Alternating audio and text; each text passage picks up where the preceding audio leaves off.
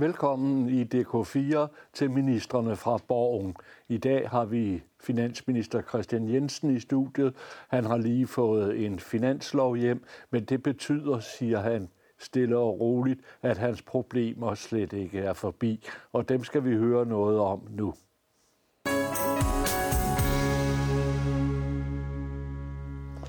Velkommen Christian Jensen, og tillykke med finansloven. Tak for det. Det går godt i Danmark økonomisk. Konjunkturerne ser ud til at være nogenlunde stabile på et godt niveau. Det må være nemt at være finansminister. Det er i hvert fald øh, nemmere at være finansminister, end det var, hvis man kigger tilbage til slutningen af nullerne, eller øh, i 90'erne, øh, slutningen af 90'erne, hvor der virkelig var øh, problemer. Det virker som om, at slutningen af det her årti ser ud til at blive meget, meget bedre, end det vi har set øh, i slutningen af de to foregående årtier. Og det er fordi, vi har arbejdet rigtig målrettet med at styrke dansk økonomi, skabe arbejdsudbud, rydde op i de problemer, der har været, der gør, at vi i dag kan høste frugterne af, af det arbejde, der har været lavet tidligere. Vi er kommet så langt nu, så de økonomiske vismænd, nogle af dem i hvert fald, begynder at snakke om, at hov, hov, nu skal vi tage stramme lidt sammen igen mm. på finanspolitikken. Altså det betyder, at du må ikke rute lige så meget med pengene, som du har gjort. Er du parat til det? Får vi sådan nogle gammeldags afgiftspakker?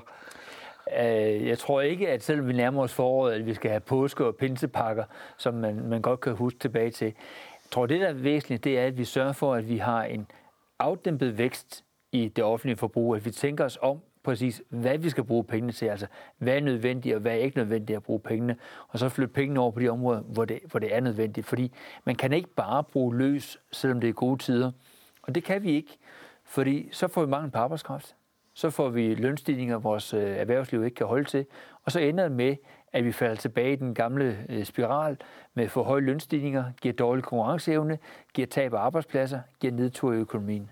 Men er du enig med vismændene i, at vi skal begynde at holde igen, eller kører det meget godt på det niveau, det kører nu? Altså jeg er enig med vismændene i, at vi skal passe på, men hvis man tager sådan en helt grundlæggende finansloven, så strammer den faktisk op, fordi øh, i år har vi desværre stadigvæk et strukturelt underskud i Danmark.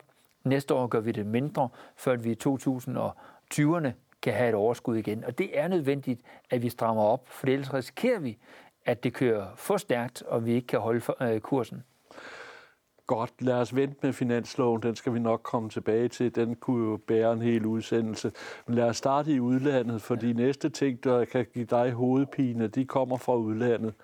Uh, Italien som har fået en forholdsvis ny regering, som man kan mene om, hvad man vil. Øh, de vil gerne føre en meget ekspansiv øh, økonomisk politik, altså mange statsudgifter, for ligesom at kickstarte øh, økonomien i Italien. Noget af det samme, som Poul Nyrup Rasmussen og Marianne Hjelved i sin tid gjorde, med, med faktisk med succes i dansk, i dansk økonomi. Men så kommer EU ind i billedet og siger, hov, hov, det må I ikke. Og kommissionen har nærmest forkastet den italienske finanslov. Er det fornuftigt? Jeg tror, hvis man tænker tilbage, så sagde vi tidligere, at hvis Tyskland nyeste, så blev vi forkølet. Altså, at, at det, der skete i tysk økonomi, det smittede ind på Danmark. Vi er meget afhængige af, hvad der skete. Det, der sker nu, det er, at, at den der forbindelse, den går meget længere ud. Så hvad der sker i Italien, Grækenland, Spanien, det rammer også Norge, Sverige, Danmark. Uanset om vi er EU-land eller ikke EU-land, så hænger økonomierne sammen. Og, og netop fordi, at det påvirker os, hvad der sker i Italien, så har vi også været med til at sige, pas nu på Italien, hvad der I gør. For du har ret i, at, at Nyrup og Hjelved lavede en meget øh, succesfuld ekspansion. Men det var fordi, at der var plads i dansk økonomi man kunne godt tåle at træde lidt på speederen og, og øh, droppe lidt af, af nedbringelsen af gælden, fordi vi havde plads. Hvis du tager, altså billigt talt, Nyere på Hjelved, det kunne tage et, et tillægslån i, i kreditforeningen øh, og have råd til at betale det ned hen ad vejen. Italien, de har pansat landet til op over skorstenene. De har endda taget fortoget og postkassen med i pansætningen. De har en gæld så stor, at det er helt ubeskriveligt. Og oven på det siger de så, lad os låne noget mere. Lad os gå ned til, til hjørnet, til, til kviklån, eller øh, hvad, hvad det ellers er, og tage nogle flere lån, uden at have et billede af, at de har råd til at betale tilbage. Og det advarer vi imod. Det siger vi, pas nu på, fordi det, I laver i Italien der, det kommer til at ramme de andre lande i Europa.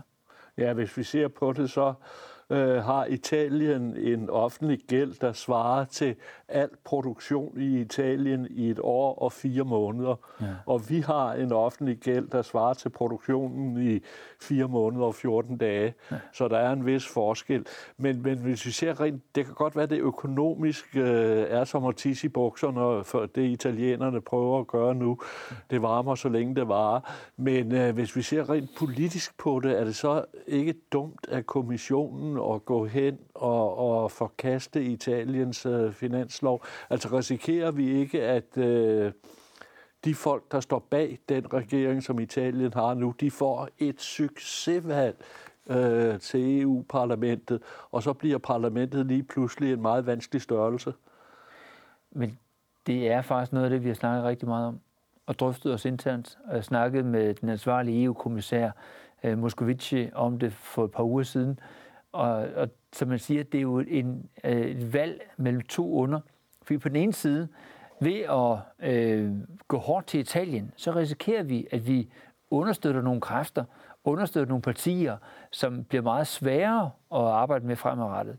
På den anden side, hvis vi bare tillader, at Italien bryder aftaler, bryder regler, bryder den økonomiske øh, samarbejdsmodel, vi har, hvad er så det næste, vi skal acceptere? Altså skulle så acceptere, hvis, hvis Spanien gjorde det. Vi så, hvor langt ud Grækenland kom. Altså, jo, Græk... Men Frankrig har jo ganske stille og roligt gjort det i en håndfuld år, uden at der er skrevet ind over for Frankrig. Ja. Altså, hvorfor kan Frankrig tillade sig det, og Italien ikke? Det er fordi, der er blevet lavet en aftale med Frankrig om, hvordan deres langsigtede strategi skal være. Det var der også med den tidligere italienske regering.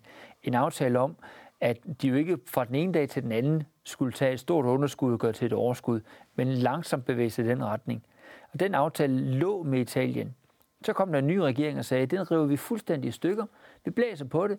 Vi øh, laver en fest. Vi øh, øger de offentlige udgifter. Vi gældsætter landet noget mere. Og så vil vi jo gerne have, at, i, øh, at de, øh, de, de lande i nord, der er styr på økonomien, øh, låner deres kreditværdighed ud til os, så vi kan få nogle lave renter. Og, og sådan spiller klaveret ikke. Vi, vi, altså, jeg ønsker Italien alt godt. Og jeg kan sagtens se problemerne i at sige til dem, at det forslag kommer med, det duer ikke. Det er der masser af problemer i. Men der er også et problem ved at sige, at regler, det kan bare blæse på, og vi andre, vi skal komme og rydde op.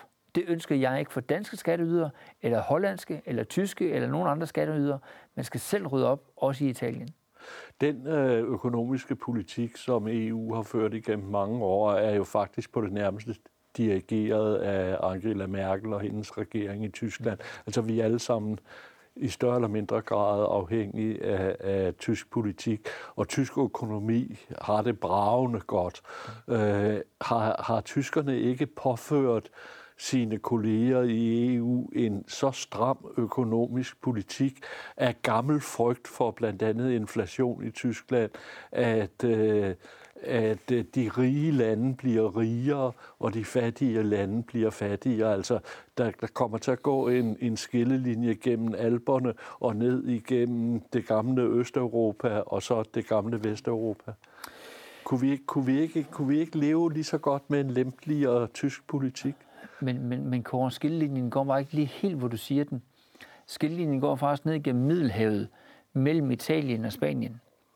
Fordi selvom det måske ser ud som, at alt syd for alberne er det samme, når man sidder i, i København og kigger, så når man kigger tættere på, så er der en stor forskel på den iberiske halvø med Spanien, altså Spanien, Spanien og Portugal, og så den øh, østlige del af Middelhavet med Italien og Grækenland. Fordi Spanien og Portugal, de gennemførte faktisk det, som øh, Tyskland og andre lande bad om. De gennemførte nogle øh, reformer af arbejdsmarkedet, de øh, gjorde det mere fleksibelt, de øh, liberaliserede ansættelsesreglerne sådan, at det var nemmere at ansætte på, på korttidskontrakter og noget andet. Og det gør, at de to lande i dag står langt stærkere. Der, hvor vi har et problem, det er den østlige del af Middelhavet. De gennemførte nemlig ikke nogen reformer, og de reformer, de gennemførte, er de allerede begyndt at rulle tilbage. Altså, Portugal er i dag et langt stærkere land, end har været øh, igennem mange, mange år, og på vej til at blive løftet ud af den der kategori af fattige lande i Europa. Spanien kører meget, meget bedre, også selvom de er udfordret rent politisk øh, i Spanien. Men Italien og Grækenland, tog ikke muligheden for, at når der er opsving i Europa, at så skulle de også gøre noget ved deres egne systemer. Og derfor er det, at skillelinjen er ikke ved alberne, skillelinjen er ned igennem Middelhavet mellem Italien og Spanien. Hvis vi nu tager worst case, øh, så øh, kan vi ende i et øh, Italien, der får sit eget Brexit ja. øh, og så eksisterer EU vel ikke længere. Altså allerede med Brexit, så bliver det et andet EU. Og hvis Italien trækker sig ud, enten af EU eller af euroen, så vil det være et helt andet Europa. Altså så vil vi skulle til at helt redefinere den måde, vi arbejder på. Øh, fordi Italien har været en af de grundlæggende kræfter i EU helt fra starten af. Det, det er jo Romtraktaten, der er EU's ståbsetest, øh, og Romtraktaten, hvor Italien har forladt os, øh, EU, vil være helt anderledes. Jeg tror heller ikke, at Italien er interesseret i at forlade. De er stadigvæk øh, netto modtagere af, øh, af støtteordninger, både landbrugsstøtte og samhørighedsstøtte og andet. Så jeg tror ikke, at Italien vil forlade. Men det kan godt være, at de vil overveje at forlade eurosamarbejdet. Og, og det, få ligeren tilbage igen? Ja, få en anden valuta tilbage igen, om det er liren eller noget andet. Fordi det giver dem mulighed for, at de kan bruge devalueringer til at, at øh, klare deres økonomiske problemer. De vil ikke være styret af de der stramme regler, der er. Men jeg er stadigvæk, altså, jeg, jeg kan godt se det. Jeg kan også godt se øh, politikerne snakke om det i Italien.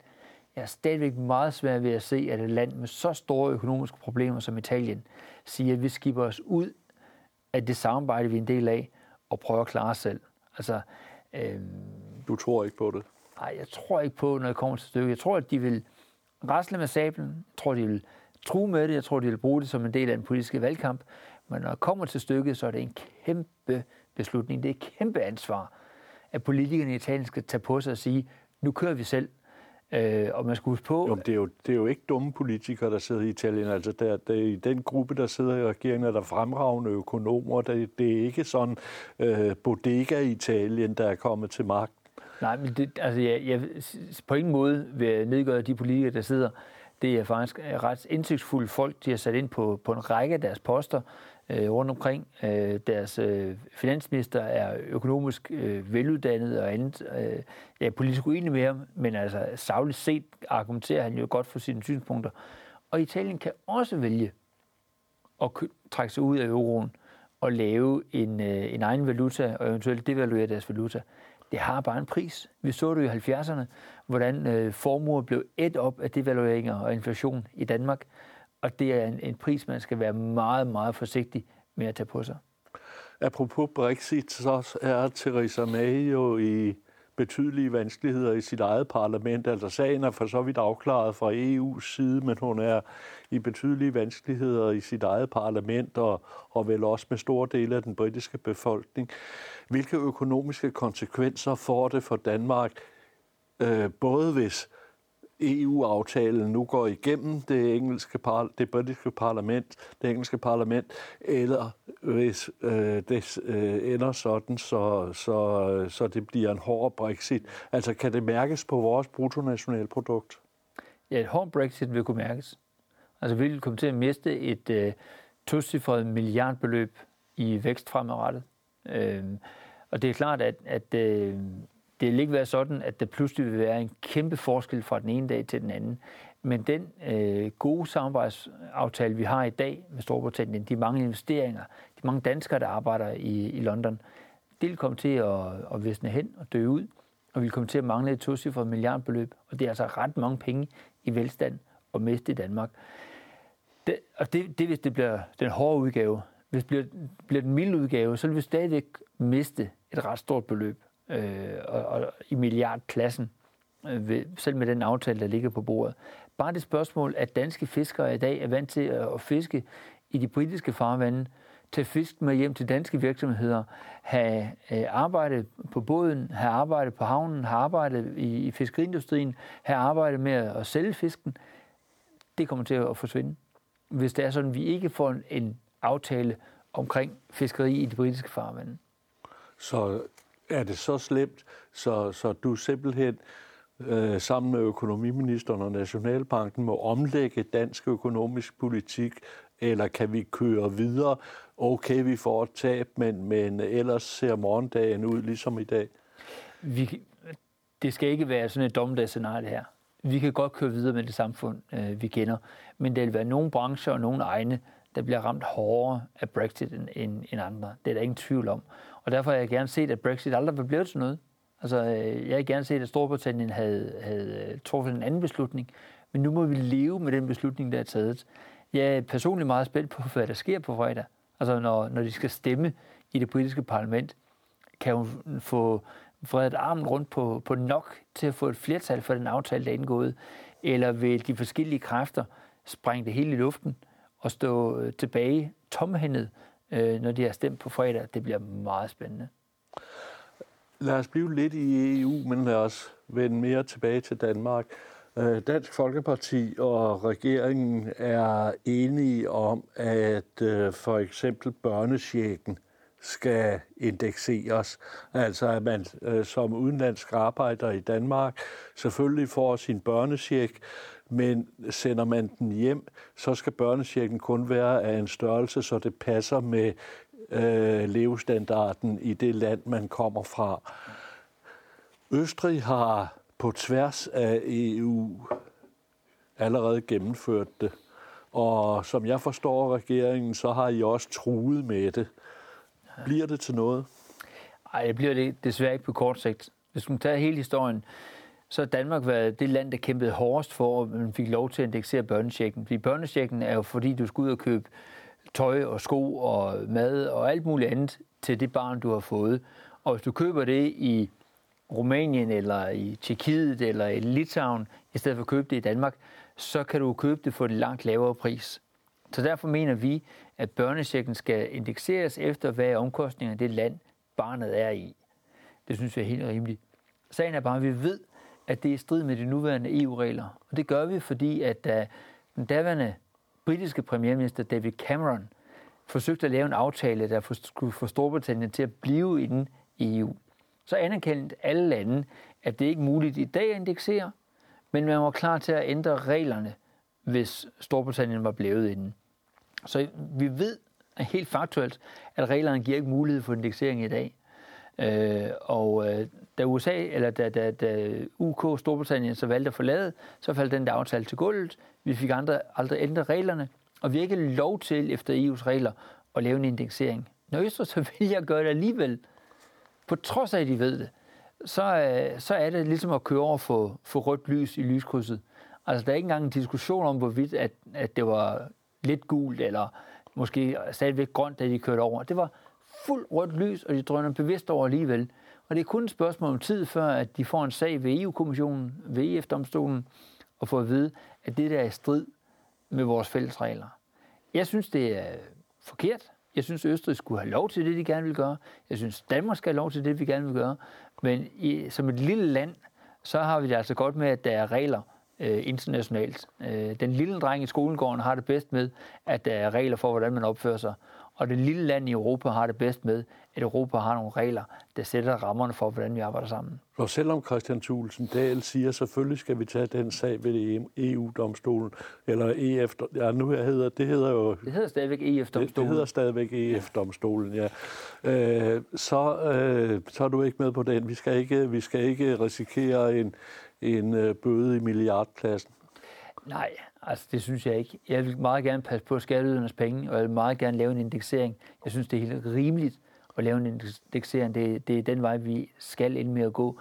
Men når jeg, når jeg ved, at vi taber sagen, fordi vi har tidligere anerkendt det juridiske i, at vi ikke må indeksere, så vi ved godt, at vi vil ende med at tabe sagen, så er det altså at spille skatteborgernes kroner med først at, at, at lave en indeksering, som man bagefter vil tabe, og derefter spille nogle skattekroner på advokatregninger og alt muligt andet. Jeg vil meget gerne bruge kræfterne på at ændre de fælles regler i EU.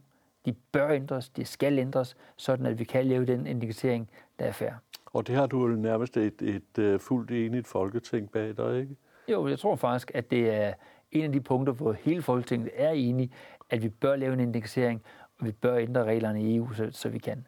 Men hvis vi ser nøgternt på det, så er det jo i virkeligheden småpenge, det drejer sig om. Det er ikke ret mange børnepenge, der bliver sendt ud af landet, vel? Det er det ikke, og en stor del af børnepengene, der bliver sendt ud af landet, bliver sendt til Sverige eller Tyskland. Så det er jo ikke fordi, at der er markante øh, 100.000 vis af millioner øh, at spare. Men det er faktisk princippet i det. Og princippet i, at hvis man modtager en ydelse, der skal gå til at dække nogle udgifter ved at have børn, så skal ydelsen også svare til de udgifter, der er. Og det princip vil vi godt holde fast i, fordi vi faktisk mener, at der er en ramme for, en grænse for, hvor meget EU skal blande sig. Jeg er personligt tilhænger af det europæiske samarbejde. Jeg synes, det er godt, at vi har samarbejdet, og det er meget, meget nyttigt, øh, at vi ikke havde et tæt samarbejde. Jeg ser, at Danmark har fordele ved at være med, men jeg, det er jo ikke sådan, at der kun er fordele. Altså, der er også hjørner, hvor jeg tænker, ah, det der kunne godt være bedre. Og retten til at indeksere, retten til at bestemme omkring sociale ydelser og dagpenge og andet, der skal vi kæmpe for, at det er noget, vi i Danmark beslutter, og ikke noget, man beslutter i EU. Øh, ser du hele det der børnesjek øh, og dagpenge og alt det, der kunne øh, indekseres, ser du, du det som øh, et forsøg på fra kommissionens side, fra EU's side, at, at få den sociale union, øh, øh, som, de, øh, som de taler så meget om, men som vi har taget afstand fra øh, hele tiden? Der er ingen tvivl om, at der er nogen, øh, det er ikke så meget i kommissionen, det er mere nogle lande, som meget gerne vil holde fast i, at deres borgere, når de arbejder i Danmark, eller i Holland, eller i Tyskland, får høje ydelser. Øh, det er jo en, ligesom en del af, af det, som gør, at øh, deres økonomi går godt, går godt, det er, at når deres borgere arbejder i Vesteuropa, så sender de nogle flere penge hjem. Det understøtter deres økonomi, så de prøver at holde fast i det. Altså, nu skal vi heller ikke være mere naive. Det her er jo et spørgsmål omkring øh, kroner og øre. Øh, hvis øh, man i nogle østeuropæiske lande får sendt nogle flere penge hjem fra Vesteuropa, så bliver de rigere, og det holder de fast i. Og vi har det modsatte. Vi vil gerne bruge vores skatteyders penge på de ting, der er i Danmark, øh, og ikke sende så mange kroner tilbage. Det bliver vi rigere af. Så det er et klassisk økonomisk slagsmål om, øh, hvordan skal man fordele kronerne, hvordan skal man fordele velfærden. Vi skifter emne. Øh, hvis du ser tilbage på det øh, som politiker og som minister, så var du med til at øh, gennemføre den seneste kommunalreform, hvor skat mm. blev gik fra at være et kommunalt anlæggende til at være et statsanlæggende.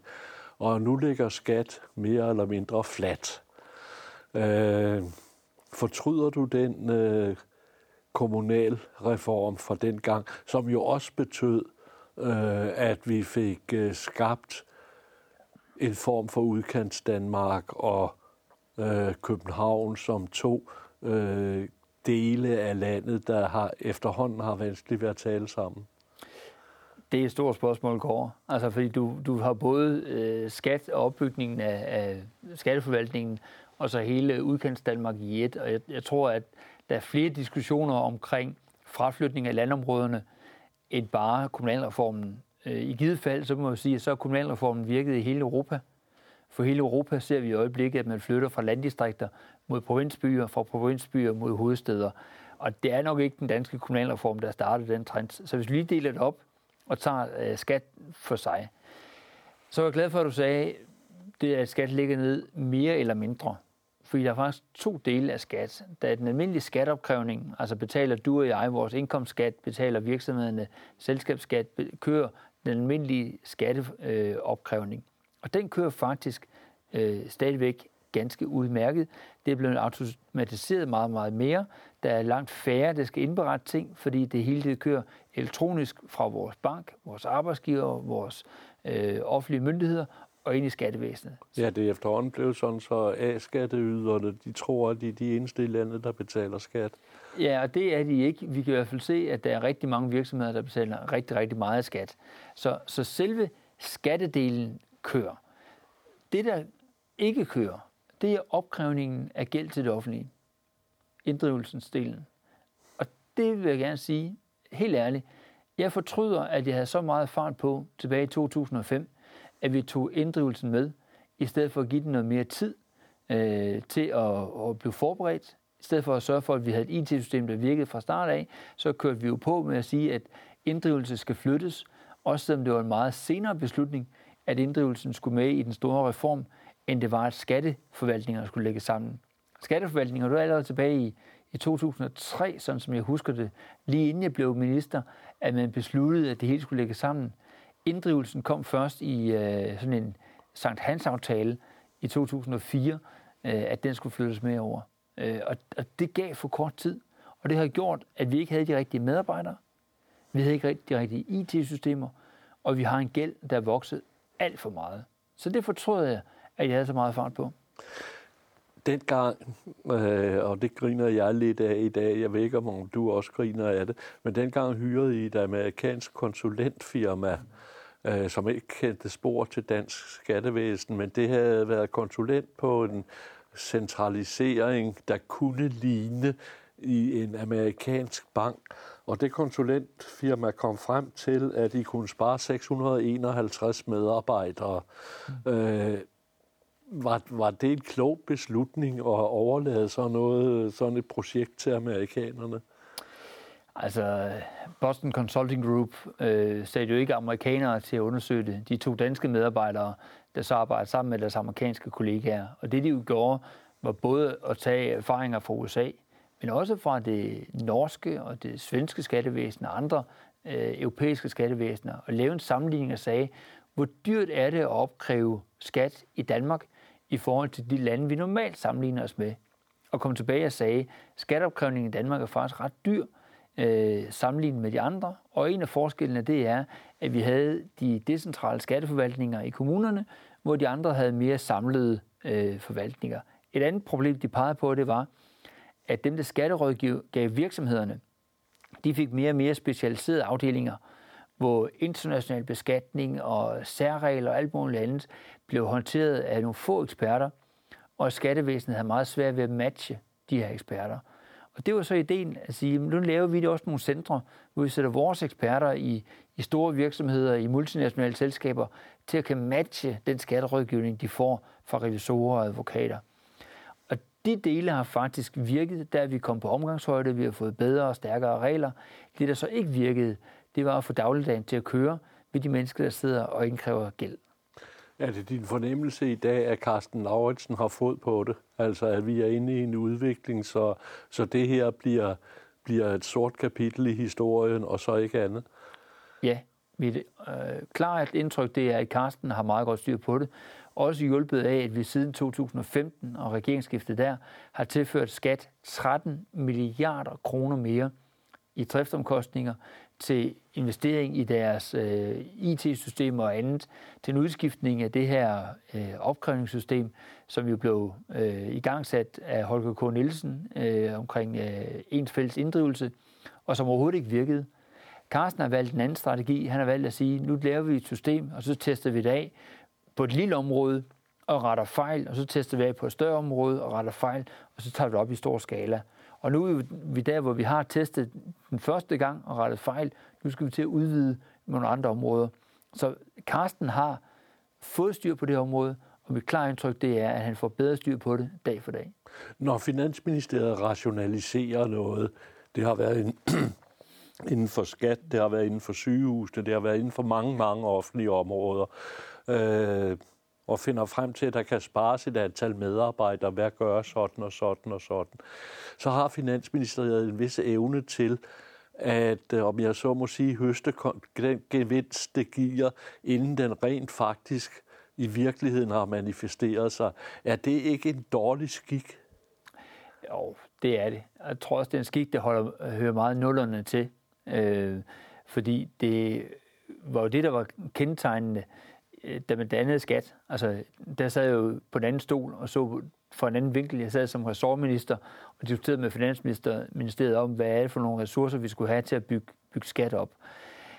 Det vi gør for eksempel på, på sygehusene nu, det er jo, når sygehusene er bygget, så sætter vi os ned sammen med øh, regionerne, øh, den region, der har fået bygget et nyt syge, supersygehus færdigt, og siger, godt, med det sygehus, I nu har bygget, hvad forventer I så, at det giver af rationalisering?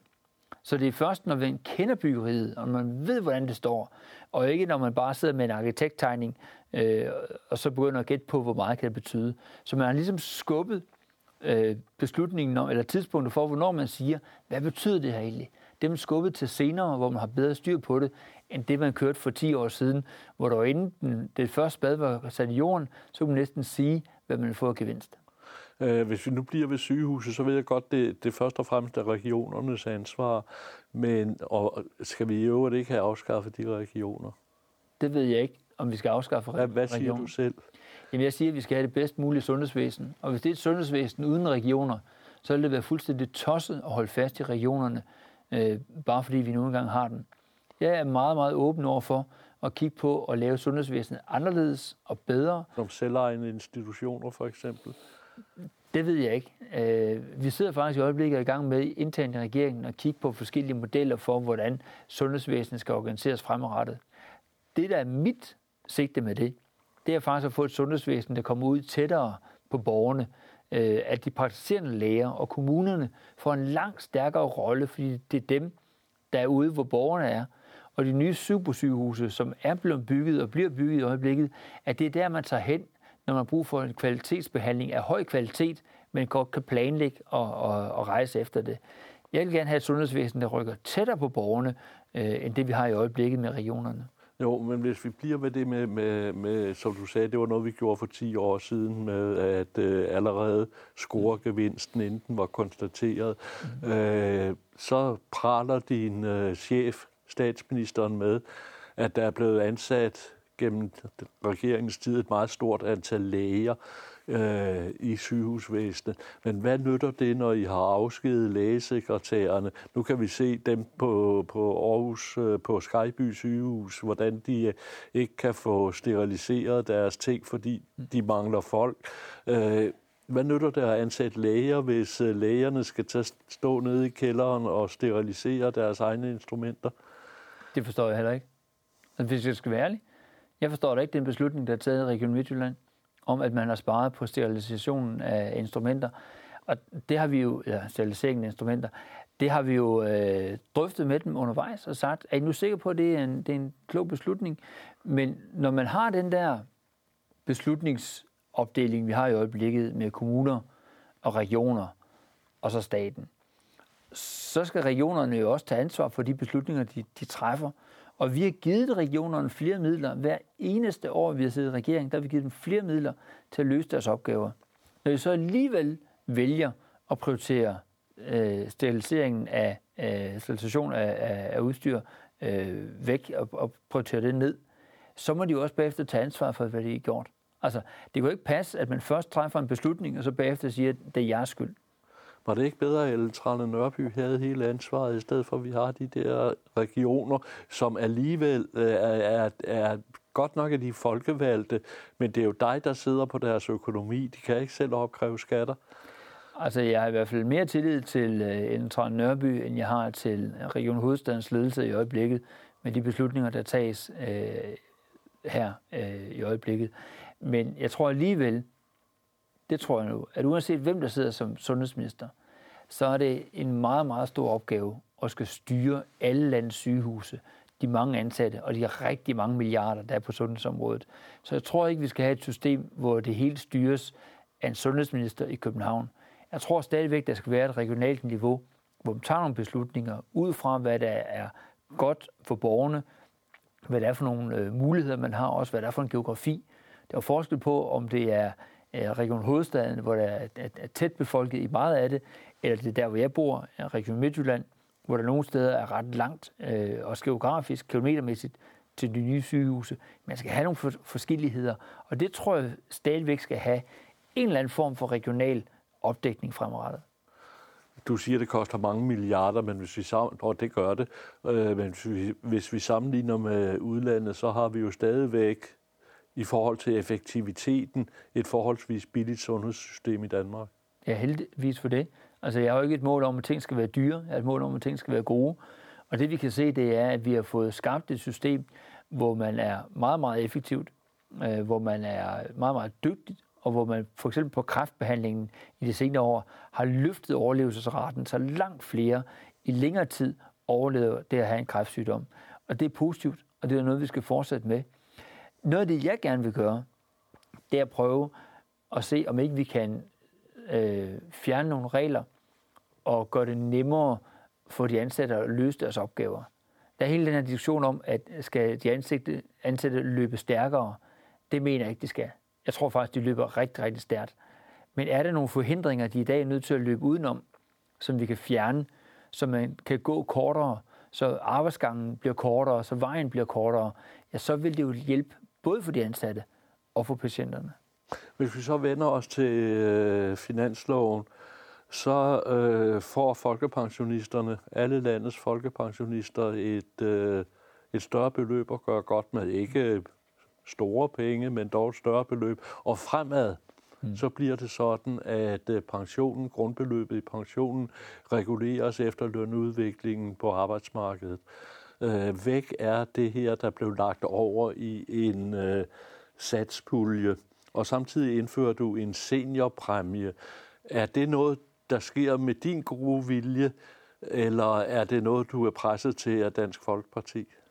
Jeg tror, vi har øh, delt ejerskab til mange af idéerne. Seniorpræmien kom øh, fra regeringens side. Det at få afskaffet øh, bidrag til satspuljen kom fra Dansk Folkeparti's side, og finansieringen er vi jo så fælles om. Øh, fordi der er mange, der kommer med ønsker. Det, det, sådan er det i politik. Der er rigtig mange, der kommer med ønsker. Men det er kun de ønsker, der også er finansiering bagved, der har nogen værdi.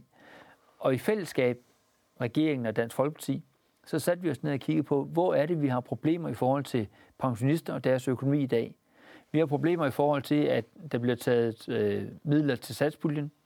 Vi har problemer i forhold til, at gevinsten at blive noget længere tid på arbejdsmarkedet, og det er jo nemmest det første år, man, er, man er, har mulighed for at blive folkepensionist og blive ved med at arbejde. Vi har øh, problem i forhold til dem, der arbejder deltid, altså små indkomster – ved siden af, at de er folkepensionist, og vi har problemer med, at man som pensionist har en ægtefælle, der stadigvæk er på arbejdsmarkedet. Og alle de her problemer, alle de her problemer faktisk mere til, løste vi i aftalen. Så det er egentlig en lille, faktisk en mellemstor pensionsreform, der er lavet sammen med finansloven her, hvor vi får løst mange af de her problemer. Vi får løftet økonomien. Det er rigtigt. Det er ikke mange kroner i 2019, men det er flere i 20 og flere i 21 og noget flere, når man kommer frem til 2025, at man løfter pensionisters økonomi med. Det kan mærkes i de kommende år. Hvornår træder det i kraft? Træder faktisk kraft allerede her for 2019.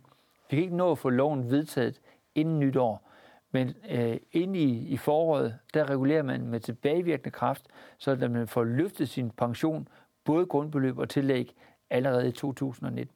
Okay, øh, men det betyder, at det der 30 år gamle satsforlig, satspuljeforlig, øh, som vist nok blev opfundet af Henning Dyrmose, din forgænger Henning Dyrmose fra de konservative, at det nu øh, er en saga blot. Og det har jo haft et, øh, et sjovt liv, sådan rent parlamentarisk set. Det er, det er, bag det står alle Folketingets partier, med undtagelse af enhedslisten, som har talt imod det lige fra begyndelsen. Øh, og det har også været sådan en, en mærkelig skabning, fordi øh, det gav Folketingets partier og oppositionspartierne mulighed for nærmest at sidde og lege små øh, minister øh, og administrere noget, folketingsmedlemmer elsker, nemlig at få fingrene helt ned i maskinrummet. Øh, hvis du ser på det sådan ud fra et rent demokratisk perspektiv, har det så ikke været en vandskabning? Jo, det har det langt hen ad vejen. Det er også administrativt været en meget besværlig ordning, hvilket Britta Nielsen jo så til synligheden har fundet ud af at, at lukrere på og, og skumme øh, 111 millioner kroner ud af, hvis, hvis tallet er rigtigt, og nu skal hun selvfølgelig også dømmes, øh, hvis det er hende, men, men det er jo den anklage, der er rejst mod hende. Øh, og det har været et, et, øh, meget mærkeligt forløb, hvor der ligesom blev sat nogle penge til side, og så sagde man, at alle sociale problemer i Danmark, de skal løses inden for den her pulje. Og i øvrigt så kom så også øh, integrationsproblemer og arbejdsmarkedsproblemer og sundhedsproblemer, og det blev alt sammen smidt ned i den her pulje, satspulje, og sagt, det skal så løse. Og partier, som overhovedet ikke var i regering, skulle så med ind og fordele midlerne. I øvrigt også nogle partier, som på den ene side sagde, vi kan egentlig ikke lide satspuljen, men vi kan godt lide pengene, så vi er med alligevel. Så, øh, så set ud fra øh, demokratisk perspektiv, så er du enig i, at det er en vandskabning, fordi det er folketingsmedlemmer, der sidder og administrerer? Ja, det er det.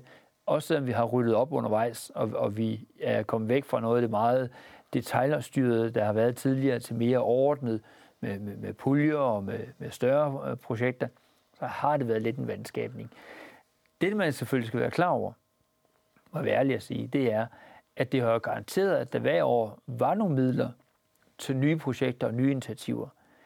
Der vil vi godt det, at vi har sagt, at nogle af de midler, der er i det nuværende system, det reserverer vi også til de kommende år at kunne lave projekter af større karakter inden for, for socialområdet især, også inden for, for de andre, men især socialområdet. Øh, understøtte øh, organisationer, civilsamfundsorganisationer og foreninger på området, det skal man også kunne gøre. Men, men, men vi kommer til at lukke ned for nogle af de mange programmer, der har været. Så en finanslov i finansloven får vi ikke igen? Ikke på samme niveau. Vi har gemt en lille reserve for, at nogle af projekterne kan køre videre, men ellers skal man diskutere socialpolitik, ligesom vi diskuterer udlændingepolitik, uddannelse og kulturpolitik i den store finanslov. Ja, fordi ellers ville der jo være nogen, der kom i knibe. Typisk set, så var de bevillinger, der kom over satspuljen, det var nogen, der løb over 2, 3, 4, 5 år, mm. øh, hvor man støttede for eksempel et, en øh, forening, en NGO eller sådan noget, der havde et socialt øh, arbejde, og så efter de der 3, 4, 5 år, så skulle de kunne stå på egne ben. Mm. Det er der vel stadigvæk et lige så stort behov for. Ja. Derfor har vi også lavet en reserve, som langsomt trappes op. Altså i, øh, i 2022 er den trappet op på cirka 450 millioner, som svarer til det, der vil have ligget i frigivende midler i den gamle satspulje. Så, så vi har blik for, at nogle af de organisationer, der laver et kæmpemæssigt stykke arbejde og har gjort det for hele samfundet, de også skal have mulighed for at blive støttet fremadrettet. Men det bliver ikke i samme omfang som hidtil. Det bliver ikke med de store armbevægelser og med de små detaljer, som vi har set. Det bliver mere støtte de organisationer, der er i gang. Det bliver mere støtte på socialområdet, end på den øh, meget brede vifte, som vi har set hidtil. Når vi snakker finanslov, så kan vi jo næsten ikke undgå at runde den øde ø. Ja. Og nu skal vi ikke begrave os alt for meget i den, men, men set sådan overordnet fra din stol, er det så ikke en meget, meget, meget, det er en meget spek- spektakulær løsning, men det er også en meget dyr løsning. Jo, det er en dyr løsning, og det er også en løsning, som har givet genlyd internationalt. Altså, i går talte jeg med en journalist, der skriver for, for CNN, der vil høre, hvad er det egentlig øh, omkring den her ø. Og sagen er jo, at jeg så allerhelst, at udlændinge, der er blevet, blevet gået kriminalitet og blevet udvist, at de rejst hjem. Det er jo det, de skal gøre. Det er jo det, vi ligesom har, har givet dem en dom på. De skal rejse ud af Danmark. Så er nogle af dem, der ikke kan, fordi deres hjemland øh, tror dem med dødstraf eller tortur og andet, og så kan vi ikke tvinge dem til at rejse hjem eller rejse ud af Danmark. Der er også nogle asylansøgere, som ikke har fået øh, godkendt deres ansøgning, altså de har fået, fået afslag på asyl og begået kriminalitet. Dem har vi også svært ved at få hjem, så de er ligesom i Danmark og, og kan ikke komme andre steder. De er på tålt ophold. De er på tålt ophold, ja. Indtil det lykkes os at få dem sendt hjem, så skal de være et eller andet sted. Og i øjeblikket er de på Kærsødgård i Midtjylland. Øh, men vi vil gerne have dem et sted, hvor vi i højere grad har styr på, hvor de er, hvornår de er der. Og derfor kom ideen om at kunne finde et sted, der var tilpas beliggende, til man i højere grad har styr på, at det var der, de var. Og hvis ikke de var der, hvornår kommer og går de så? Og så er vi over i en, øh, en ø, og der er det så praktisk, at staten ejer Lindholm. Den har været brugt i mange år til forsøg med smittefarlige sygdomme. Øh, der er DTU ved at pakke ned. De skal forlade øen, de skal rense den for smittefare, de skal bryde øh, bygninger ned og andet, så ligesom levere øen tilbage. Og det passer sig med, at vi kan overtage øh, øen til Kriminalforsorgen, og de kan bygge et nyt udrejsecenter op. Jo, men et er I meget gerne, og det nu, jeg lover, at vi ikke graver os dybt ned i det, ja. men et er, at I meget gerne vil have, det, have, have mere kontrol med det, mere kontrol med disse øh, udviste øh, mennesker. Øh, en kontrol, som I ikke kan få på Kærshovedgård. Men I må jo heller ikke, hvis vi ser på det fra et menneskeretligt synspunkt, gøre det til et fængsel. Nej. At, at, at, hvad, hvad nu, hvis du har brugt næsten en milliard kroner på at opbygge det, 700 nogle millioner mm. kroner på at opbygge det, og så øh, højesteret eller øh, menneskerettighedsdomstol kommer og siger, kære Christian Jensen, det er altså et fængsel, I har lavet? Det kommer de ikke til at sige, fordi vi har meget nøje undersøgt, hvor går grænsen. Og det betyder også, at der er ikke, altså, der er ikke fængsel på Lindholm. De har ret til, når færgen sejler, at tage den og komme frem og tilbage. Der bliver selvfølgelig øh, en eller anden færgeplan, sejlplan for, hvornår den kommer frem og tilbage. Øh, og det gør, at de har mulighed for at forlade øen og komme tilbage til øen. Ligesom man har mulighed for at, at forlade Kærsødgård og vende tilbage til Kærsødgård. Men det er jo klart, at hvis man skal med en færge, så er det mere restriktivt, end hvis bare man kan gå ud af porten øh, på Kærsødgård eller andet. Bare lige for at holde fast i, dem, der skal bo på Lindholm, det er enlige. Det er ikke familier, det er ikke børn. Det er udlændinge, som er på tålt ophold, det vil sige, at de har fået afvist deres grundlag om at være i Danmark, og de begået kriminalitet. Jo, de har rettigheder alligevel. Selvom, selvom de er nok så uønskede, ja. så har de som mennesker øh, en, en personlig ret alligevel. Ja, det har de. Og jeg er varmt tilhænger af menneskerettighederne. De beskytter os nemlig alle sammen. Ikke kun de kriminelle. De beskytter også dig og mig for, hvordan stater og andre agerer over for os. Og derfor skal vi holde fast og respektere menneskerettighederne. Og vi kommer til at sørge for, at de, der bor på Lindholm, får vilkår, der gør, at deres menneskerettigheder er fuldt ud dækket, men stadigvæk er det mere restriktivt, end der, hvor det er i øjeblikket. Og det er personer, som har begået kriminalitet. Det er personer, som har mistet den lovlige ret til opholdelse i Danmark, men hvor vi ikke endnu har haft mulighed for at sende dem ud. Det er dem, vi taler om, der skal være på Lindholm fremadrettet. Og der har det helt fint med, at den gruppe bliver placeret, sådan at vi har mere styr på, hvor de er og hvornår de er der. Så du kan love mig, at højesteret ikke kommer og underkender beslutningen? Jeg kan love dig for, at det har vi designet beslutningen efter, at det kan de ikke gøre, fordi det er en beslutning, der lever op til vores forpligtelser, og de forpligtelser, som jeg er en varm ting af, nemlig menneskerettighederne. Du har, eller regeringen har et ønske, nu skifter vi emne igen, mm. øh, eller har i hvert fald haft et ønske om at hæve pensionsalderen. Øh, Dansk Folkeparti har ligefrem truet med at sprænge den velfærdsaftale, som øh, pensionsalderen er reguleret efter. Det er meningen, at vi skal gå senere og senere på pension, efterhånden som levealderen stiger, og nu har øh, demograferne regnet ud, øh, at I godt kan udsætte tidspunktet øh, for, hvornår man skal gå på pension. Øh, har du opgivet det igen på grund af den modstand, det er stødt på, eller arbejder du stadigvæk for, at øh, vi skal gå ekstra meget sent på pension? Det har jeg opgivet. Det har du opgivet? Ja, det har jeg. Øh, vores tanke det var, at øh, den, den gamle aftale, hvis vi lige starter der, gamle aftale fra 2006, sagde jo, at i takt med, at danskerne lever længere, så skal vi også blive lidt længere på arbejdsmarkedet. Øh, jeg selv øh, den overgang, der siger, at øh, jeg skal arbejde til at blive 71. Det er der, min folkepensionsalder slår ind. Jeg håber egentlig, at jeg er frisk nok til at arbejde noget længere end til 71, øh, så jeg har ikke nogen planer om at stoppe på det tidspunkt. Men, men, men min årgangs pensionsalder bliver sat op til 71. Vi kan se nu, at det, man troede dengang, det er, at vi allerede blevet langt sundere, og vi lever længere end det, man troede. Og derfor var der en diskussion, skulle man så på forhånd løfte i en periode øh, pensionsalderen lidt højere op. Det er vi gået væk fra. Det erkender vi, det er der ikke flertal for. Det har vi ingen planer om. Nu er vi tilbage på 2006-aftalen, en bred aftale med Socialdemokraterne, med Dansk Folkeparti om, at vi laver en gradvis stigning i, i, i levealderen ud fra et fastsat schema tilbage i 2006. Jeg synes, må jeg så sige, også at det er rimeligt, at når man lever længere, så bliver man også længere tid på arbejdsmarkedet. For ellers vil vi bruge en stor del af vores ressourcer på at betale pension til nogen, som egentlig er rask og røge. Øh, og hvis jeg kigger på min forældres generation, så startede de lang tid på arbejdsmarkedet før mig, aldersmæssigt. Og de skal også stoppe tidligere. Jeg startede senere, end de gjorde, og derfor skal jeg også kunne stoppe senere. Mine børn, når jeg kigger på dem og deres uddannelsesønsker, så vil de også starte på arbejdsmarkedet på et senere tidspunkt, end jeg selv gjorde. Og derfor synes jeg også, det er rimeligt, at de bliver længere tid, end det, jeg skal gøre. Og sådan er det. I takt med, at vi lever længere, så skal tiden på arbejdsmarkedet også blive en lille smule længere. Politisk har man gået ud fra, eller i hvert fald i grundlaget for velfærdsaftalen, der fra 2006, 6. ikke?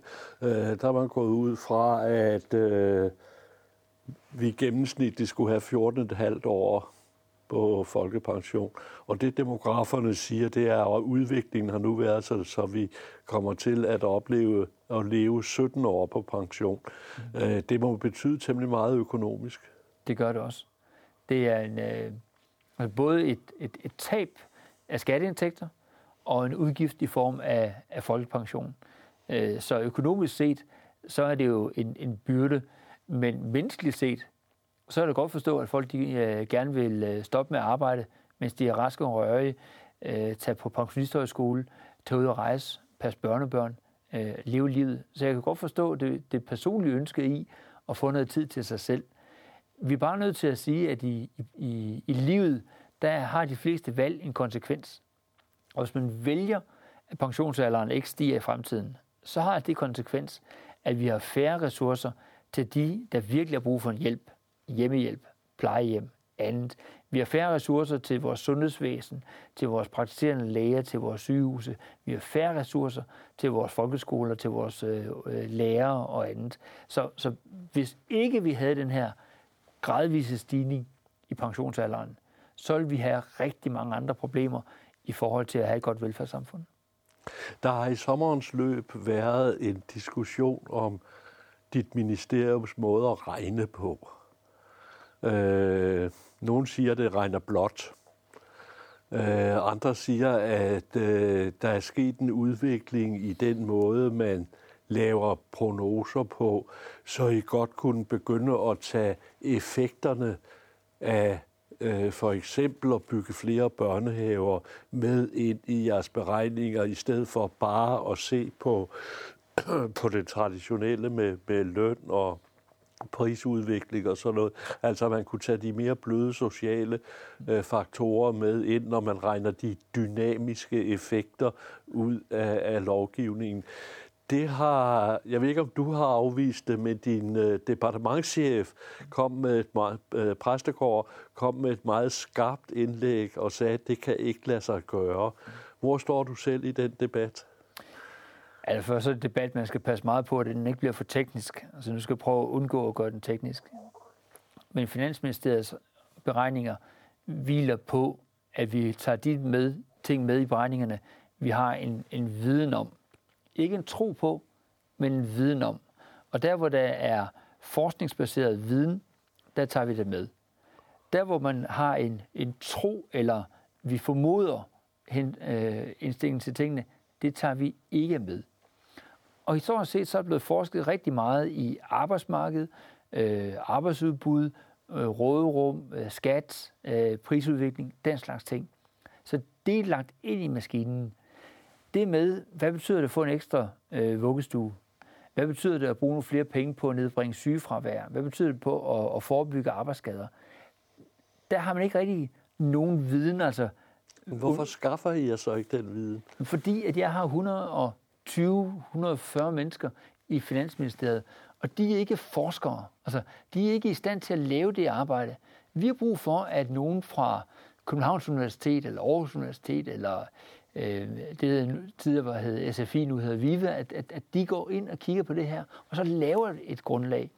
Og vi har faktisk prøvet at sætte nogle penge af til forskellige projekter, og der kører nogle udbudsrunder i øjeblikket af forskningsprojekter for at blive klogere på det her. Og i takt med, at vi bliver klogere, så tager vi med ind et område. Det er faktisk at sige, hvis vi uddanner os mere, hvad effekt har det så? Det, det er vi øh, begyndt at regne ned og sige, hvis vi nu løfter uddannelsesniveauet i samfundet, så har der også en betydning for, øh, hvad, hvad viden vi har, og hvilken værdi vores produktion har i Danmark. Så det regner vi med ind. Men på et lille område, og, og, og det er bare for at sige, hver eneste område, hvor der er faglig basis for det, altså hvor der er viden på at tage det med ind, det ønsker jeg at tage med ind. Og det er ikke mig, der skal vurdere, og det er heller ikke mine forgængere, det er heller ikke mine efterfølgere, der skal vurdere, hvad der er faglig viden på. Det skal folk, som ikke har politisk blik, det skal folk, der er fagfolk sige, godt, nu er det stærkt nok, nu tager vi det med ind i regnmodellen. Så det kommer ad over?